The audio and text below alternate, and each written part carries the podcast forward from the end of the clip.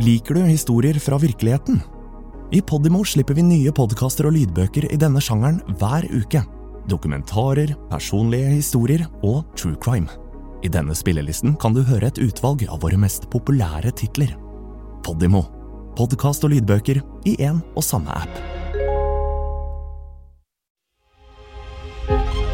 I podkasten min Viljeskalle snakker jeg om emner jeg aldri har fortalt om før. Jeg ser tilbake på barndommen, går inn i treningsrutiner, gjør refleksjoner rundt det mentale, rundt forhold og fritid. Hør Viljeskalle med Tor Gottaas og meg. Kun hos Podimo. Mange som mente du var en drittsekk.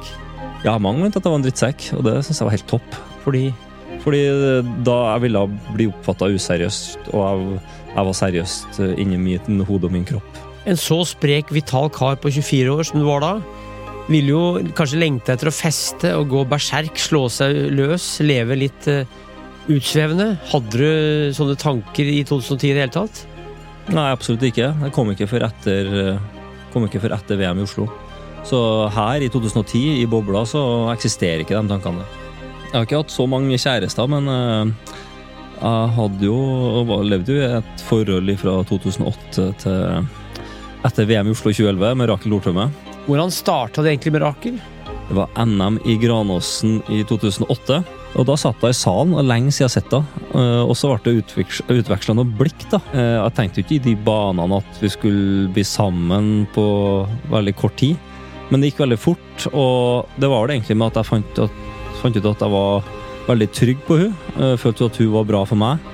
Og ja, jeg følte at vi var god match, da. I begynnelsen av mai 2014. Ja, da møter jeg min største nedtur i livet, da, når jeg våkner opp uh, på ei glattcelle etter å ha fyllekjørt på Byåsen og krasja bilen min. Så klart, det var jo et vendepunkt, uh, og et brutalt vendepunkt. Alle var spent på hva som møtte oss i døra der, når vi parkerte utafor til Joralf i Snåsa. Og, og, og der fikk jeg beskjed om å sette meg på en stol, eh, og da la han hendene på nakken min og beina mine. Og Da kjente du varme? Kjente intens varme som bare sprer seg nedover i kroppen. Fra der han klemmer. Du kjente at det var nesten sånn energi i hendene. At du ble lagt energi på. Men hva tenkte du om det hjelpa du fikk av Snåsamannen etterpå? For du var jo så frisk at du kunne være en av verdens beste skiløpere.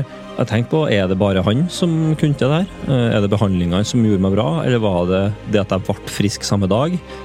Du har vokst opp i en familie hvor mye du ikke snakka om. Eh, nå sitter du her og snakker om livet ditt på en helt annen måte. Du er reflektert. Eh, Hva er det som har skjedd? Ja, hva har skjedd? Jeg, jeg har modna, òg, på, på gammeltida. Nei, jeg klarer nok, etter det livet jeg har levd som idrettsutøver, å prate om følelser. Og prate om ting jeg har opplevd og kjent på. Det føles litt rart, men det føles det godt. da. Jeg føler at jeg blir mer voksen av å gjøre det. Og, og det er godt å ta med seg videre, at man klarer å gjøre det og, og, og prate om det uten å føle på et sånn skikkelig ubehag. I nyere tid så har jeg lært meg både av mine feil og og ting jeg har levd med, at det å prate om ting kan være sunt, og det kan være lærerikt for det som skal skje videre.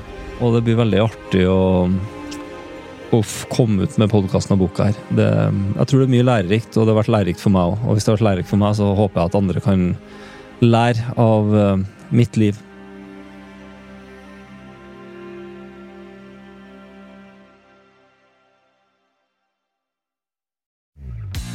Likte du denne episoden? Så del den da vel. Fortell en venn hva du hører på, og gi følelsen av god lytting i gave til noen du bryr deg om.